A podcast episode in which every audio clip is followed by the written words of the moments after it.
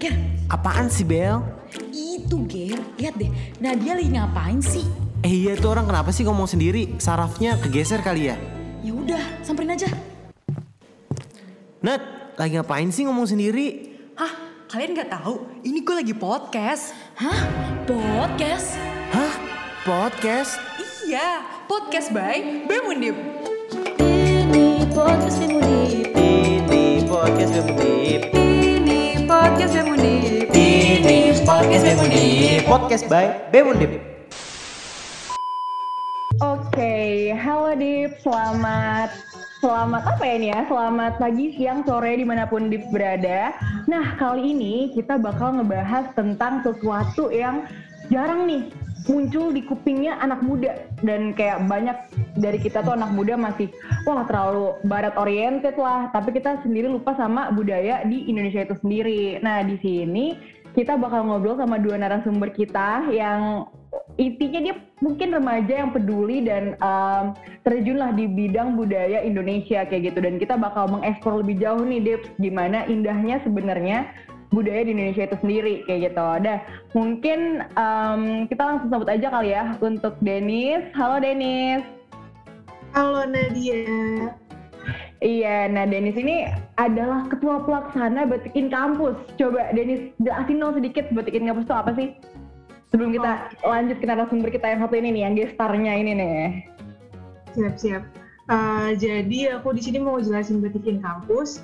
Batikin kampus sendiri itu sesuai dengan namanya ya, batikin uh -huh. kampus. Pasti kita utamanya pengen uh, menumbuhkan rasa cinta dan kebanggaan, utamanya pada anak muda terhadap budaya batik kita sendiri yang kita tahu itu sangat kaya akan uh, kecantikannya seperti itu. Yeah. Nah di batikin kampus sendiri uh, kita mewadahi anak-anak muda nih untuk uh, bisa ikut berbagai macam lomba yang pastinya berkaitan dengan budaya Indonesia.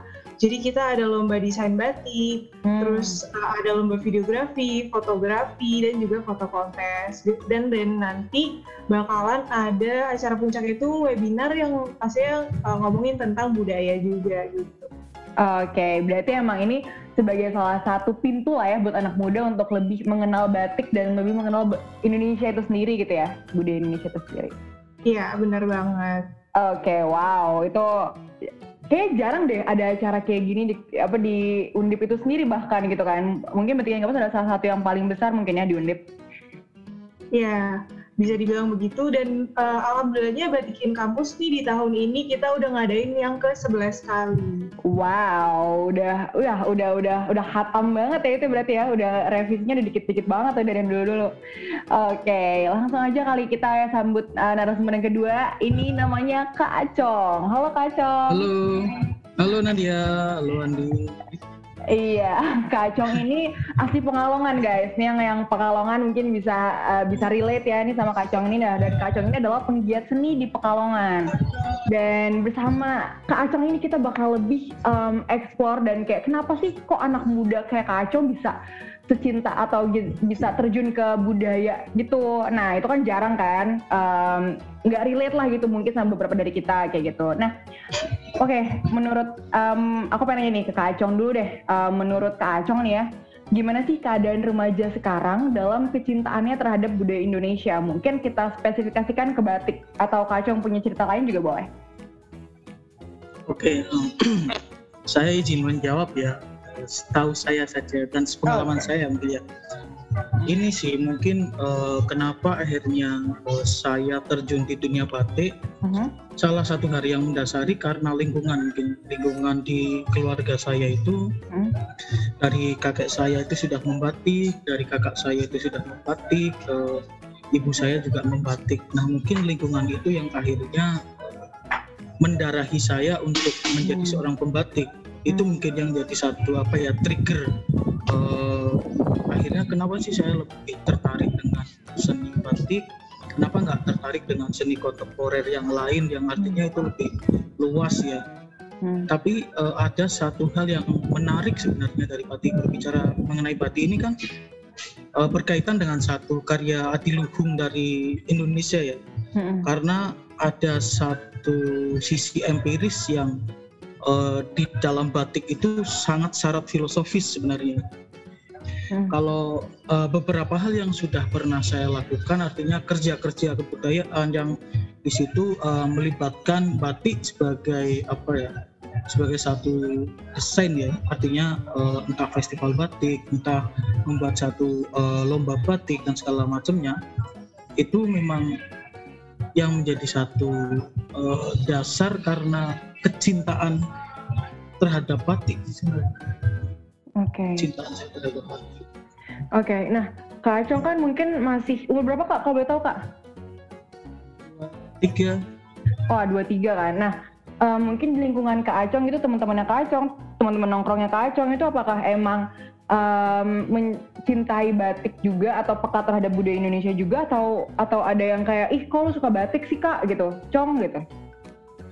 Ada yang kayak gitu nggak? Kak? ya banyak sih artinya hari ini kan melihat satu apa ya pergeseran budaya dengan satu konteks berbicara mengenai batik sebagai fashion ini kan orang agak apa ya agak malu lah mungkin mengenakan batik. Karena ketika kita pakai batik sebagai entitas nih kamu pasti bakal ditanyain kok mau kondangan kok kamu pakai baju batik? Iya, mau iya ngapain bener, nih?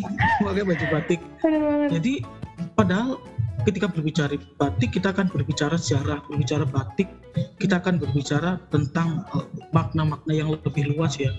Artinya kan ketika eh, beberapa hal pernah eh, saya ngobrol dengan salah satu sesepuh itu saya tanya bagaimana eh, awalnya kenapa bisa mencintai batik. Ternyata dalam satu proses pembuatannya eh, batik itu eh, ada satu hal yang memang menjadi satu landasan utama yaitu proses perenungan. Nah, proses perenungan itu yang nantinya akan mengkristal menjadi karakter daripada batik sendiri. Jadi memang eh, karena kalau kita batik itu nggak hanya sekedar desain, batik itu nggak hanya sekedar kamu buat satu komposisi eh, eh, komposisi desain. Setelah itu selesai, tapi ternyata eh, kainnya itu dia dicuci di sendang yang mana. Dia dipilih eh, dengan kain yang mana makanya dulu ada yang namanya batik yang dipakai untuk orang meninggal batik yang dipakai Ah. untuk keraton batik yang dipakai untuk ini dan itu eh, secara desain pun sangat memiliki filosofis ternyata Hmm. nah hal yang saya lalui ketika pernah mengal- em, mengikuti satu challenge batik kontemporer yang taraf tingkat nasional waktu itu Hmm. Saya mengalami satu apa ya gejolak. Ternyata saya sangat terbayang-bayang dengan sejarah, dengan kedekatan antara budaya Sunda Wiwitan dengan budaya Sunda Jawa, yaitu yang didasari ada yang namanya satu kepercayaan yang namanya kapitayat. Ya, mungkin hal-hal itu yang menjadi satu pengaruh kenapa munculnya desain batik ini itu Hmm. selalu ngomongin tentang sejarah. Eh, desain batik ini selalu ngomongin soal eh, kebudayaan masyarakat Jawa karena itu sangat dekat dengan satu eh, proses hidup mereka Oke. sangat berdampingan itu sih Oke oke, berarti emang itu bukan sekedar kain doang yang yang didesain se- ya udah asal-asalan sekreatifnya tapi emang ada jiwanya dan Iya. esensinya dalam situ ya kak. iya iya iya Oh. Iya, ada ada ada sekali ya karena karena kenapa saya menganggap bahwa batik itu sesuatu yang eh, sakral Hmm. karena mungkin lebih menghargai prosesnya Oke. menghargai prosesnya dia eh, melalui fase perenungan terus melalui fase eh, cara berkehidupan yang memang sangat syarat filosofis dan hal-hal itu yang akhirnya dia bisa melahirkan eh, karya mahakarya yaitu yang namanya batik Oke, berarti dari berbagai proses itu melahirkan sebuah batik ya, menjiwai Iya. sebuah batik, menjiwai sebuah kain batik. Iya. ya. Wow. betul Oke, nah eh, mungkin lanjut ke Denis nih. Tadi kan udah dikasih tahu sama Kak Chong gitu kan, em, bagaimana mungkin teman-teman Kak Chong mungkin ada yang mengunderestimate batik lah, dikata mau ke kondangan lah segala macam. Bener ya padahal di luar negeri kan mereka pakai batik ya. Kayak kita mereka sangat bangga loh oh ya Allah, ya itulah emang bener banget. Nah, kalau dari em, Denis sendiri nih, mungkin teman-teman Denis em, ada nggak yang menganggap batik tidak sesakral itu atau kayak mungkin itu dasar dari dibentuknya BC atau apa sih sebenarnya BC itu untuk menjawab keresahan apa sih yang ada di lingkungan Denis sekarang? Sebetulnya eh, aku setuju banget sama yang tadi dibilang sama Kak Acong. Kalau misalkan banyak banget orang-orang yang kalau misalkan ngeliat orang lain pakai batik itu pasti ditanya mau ke mana? Kok rapi banget? Terus kayak oh normal banget? Mau ke kondangan? Gitu kan. Pasti dikiranya mau ke kondangan. Padahal kita cuma ya pengen pergi aja. Cuman kita berusaha untuk pakai batik itu di keseharian kita sebagai salah satu bentuk kalau misalnya kita itu bangga dan cinta sama batik sendiri. Nah makanya juga itu salah satu latar belakang juga yang uh, membuat adanya proker batik kampus ini. Karena uh, seperti yang tadi aku bilang juga kan ada lomba foto kontes. Nah itu kan ngebuat anak-anak muda nantinya pasti mereka uh, pengen pakai batik kan untuk ikut lomba foto kontes ini dan kayak tertantang gitu untuk kayak gimana sih cara nge-mix and match batik untuk keseharian Ah. untuk formal dan ya banyak lah intinya dari manfaat si foto kontes pakai batik ini. Terus juga uh, kayak yang dibilang sama Kak Acong tadi kalau misalkan setiap batik itu punya filosofinya masing-masing. Hmm. Nah di lomba desain batik kita juga uh, kita pasti bakalan uh, nanyain nantinya ke pesertanya kayak apa sih sebetulnya filosofi dan cerita dari batik yang mereka bikin gitu. Hmm.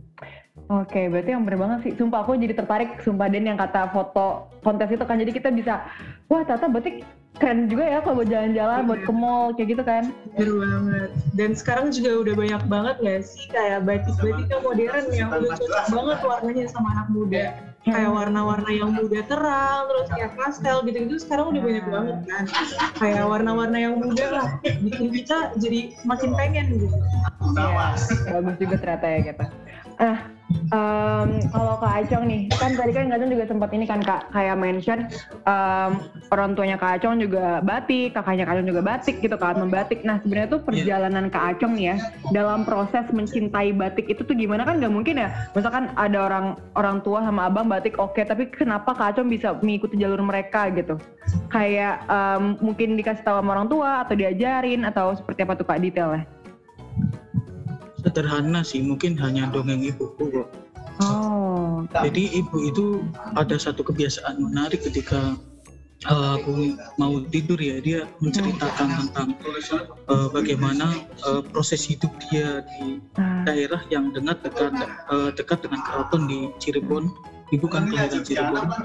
Di sana dia sering mendongeng tentang hmm, apa itu basunya regi, apa itu itu ini. yang mungkin hal-hal itu yang akhirnya eh, terpatri di otak ah, Dan hal itu fondasi kenapa saya membuat tertarik dengan desain batik.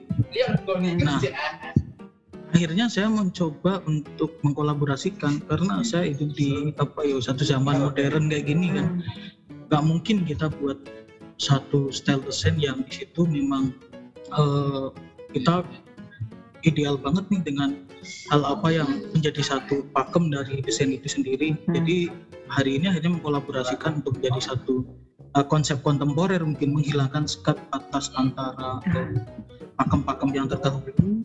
Eh, saya mix eh, menjadi satu eh, konsep kontemporer baru yaitu yang namanya ada eco print dia yang eh, fashionnya lebih fashionable banget. Hmm, terus dengan satu desain yang modern. Hmm, dan itu pun menggunakan eh, pewarna-pewarna alam biasanya. Dia memakai daun-daun terus eh, prosesnya yang sangat memang manual nggak pakai bahan kimia kayak gitu Oke oke oke. Om Jo juga tertarik sama kontemporer ya dari tarian kontemporer, lukis kontemporer itu itu sangat-sangat apa ya? Sangat-sangat makna banget gitu. Kita menarik makna dari kontemporer itu, dari seni kontemporer itu sendiri karena mungkin kalau dari batik itu tadi kan Kak Acung bilang ya, itu dari modelnya mungkin dan itu tuh kalau di Kak Acung sendiri tuh gimana sih Kak cara untuk melepas sekat itu tuh em, konkretnya seperti apa Kak?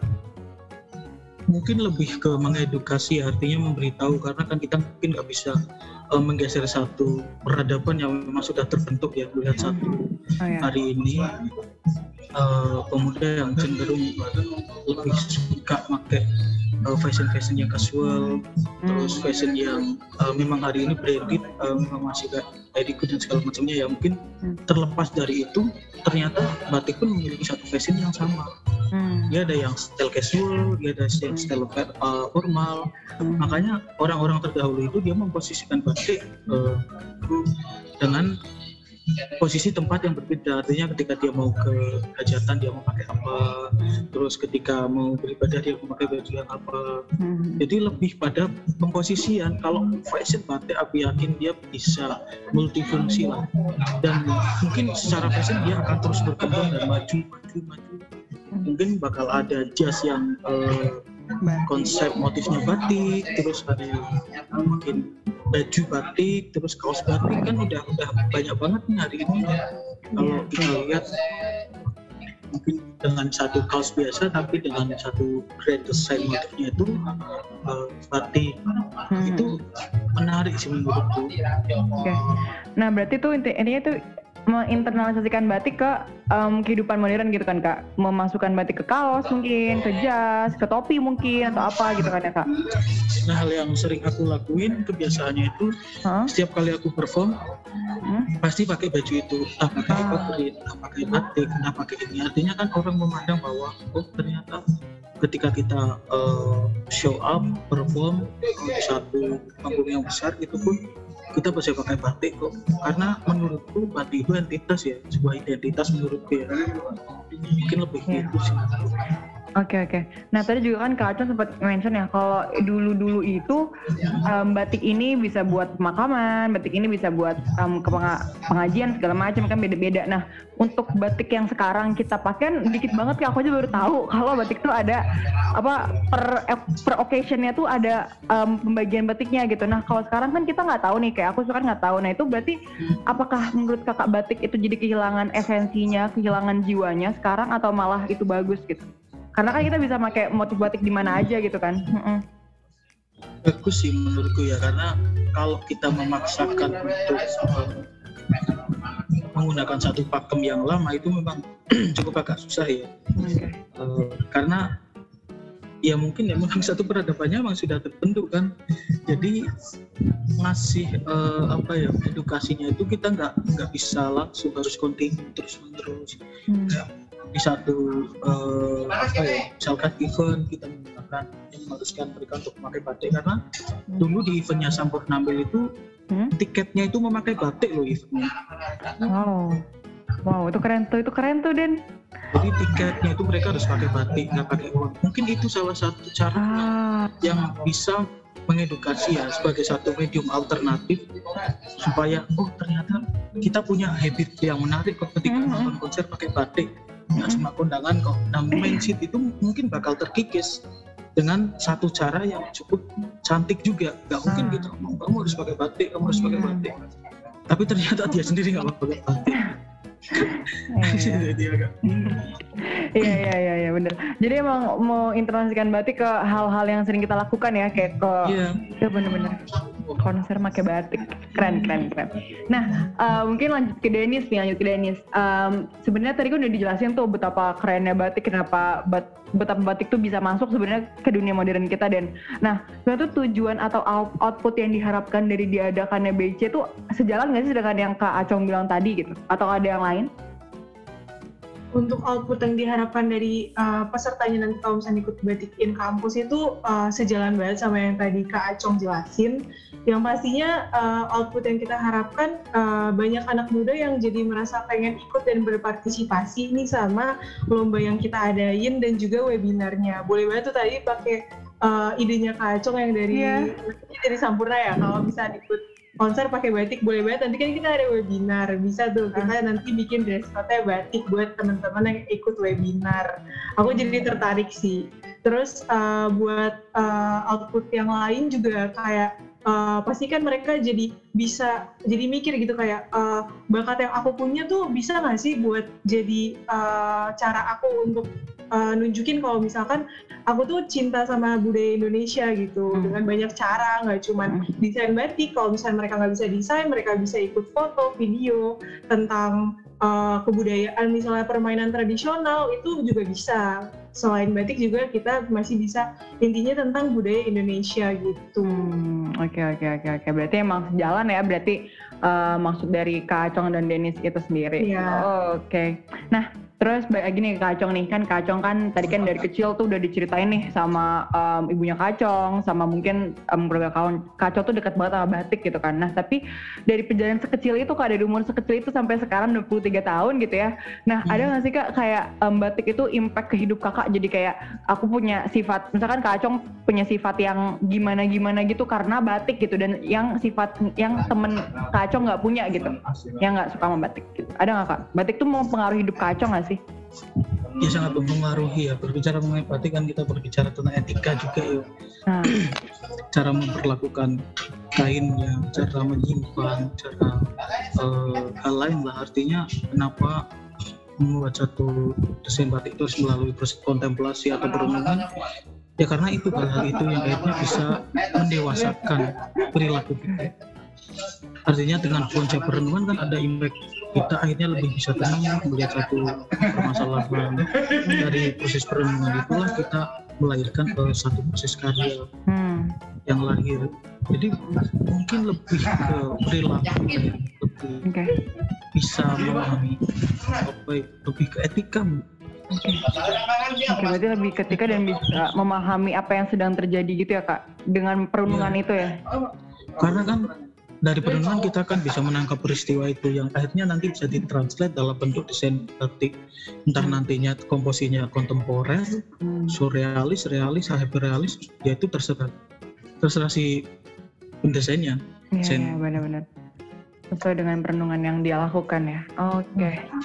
Oke, thank you Kak Acon jawabannya. Mungkin langsung nih, kita kan tadi udah ah udah banyak banget lah gitu. Ternyata tuh seindah itu dan se apa ya, seesensial gitu batik. Batik itu nggak cuma sekedar kain, tapi itu adalah akumulasi dari berbagai macam perenungan dan dan se-meaningful itu ternyata kain batik itu nggak sekedar yang kita beli pakai Iya. uang gitu loh. Itu seindah itu ternyata ya, ya Allah, aku baru nyadar banget.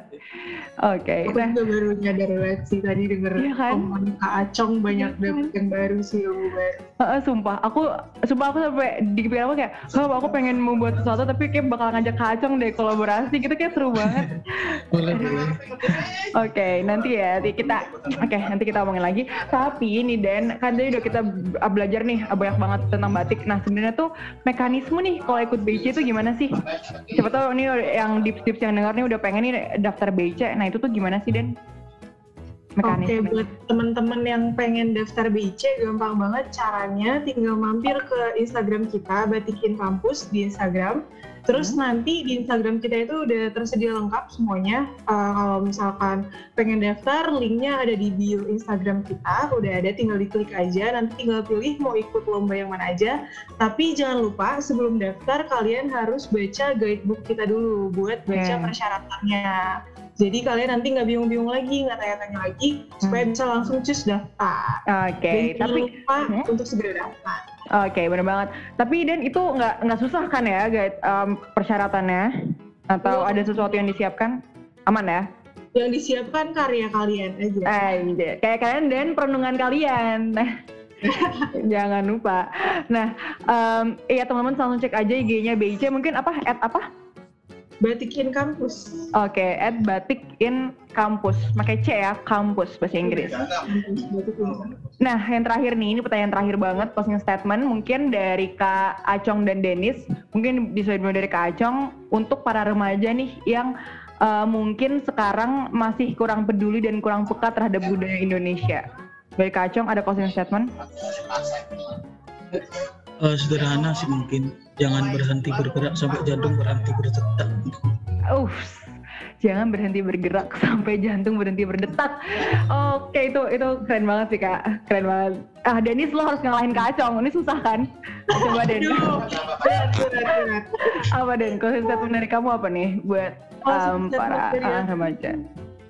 Untuk remaja yang uh, pengen nyoba untuk pengen mencintai budaya, uh, nggak usah nunggu orang lain, nggak usah ngikutin orang lain, ikutin hati kamu sendiri aja. Oke, follow your heart. Oke, mungkin itu aja episode podcast kita kali ini. Semoga Dips Dips di sini sadar betapa amazingnya dan betapa magicalnya satu kain batik itu. Ternyata aku kira wah mahal banget batik, tapi itu worth it banget ternyata ya. Emang mahal tuh emang ada jiwanya dalam Iya. situ gitu kan. Wow, oke. Mungkin itu sekian dari kita. Em, selamat daftar BC jangan lupa di @batikin kampus dicek ya. em, sampai tanggal 28 Agustus ya? Iya bener banget sampai tanggal 28 Oke, masih lama nih, masih bisa em, kita foto-foto dan kita buat batik. Oke, thank you all. See you in the next episode. Bye-bye. Ger, Bel, balik yuk dicariin mama. Oh iya, yuk bubar-bubar. Oke Dips, see you in the next episode of Podcast by BEM Undi. Aku masih di sini. Ayo pulang. pulang.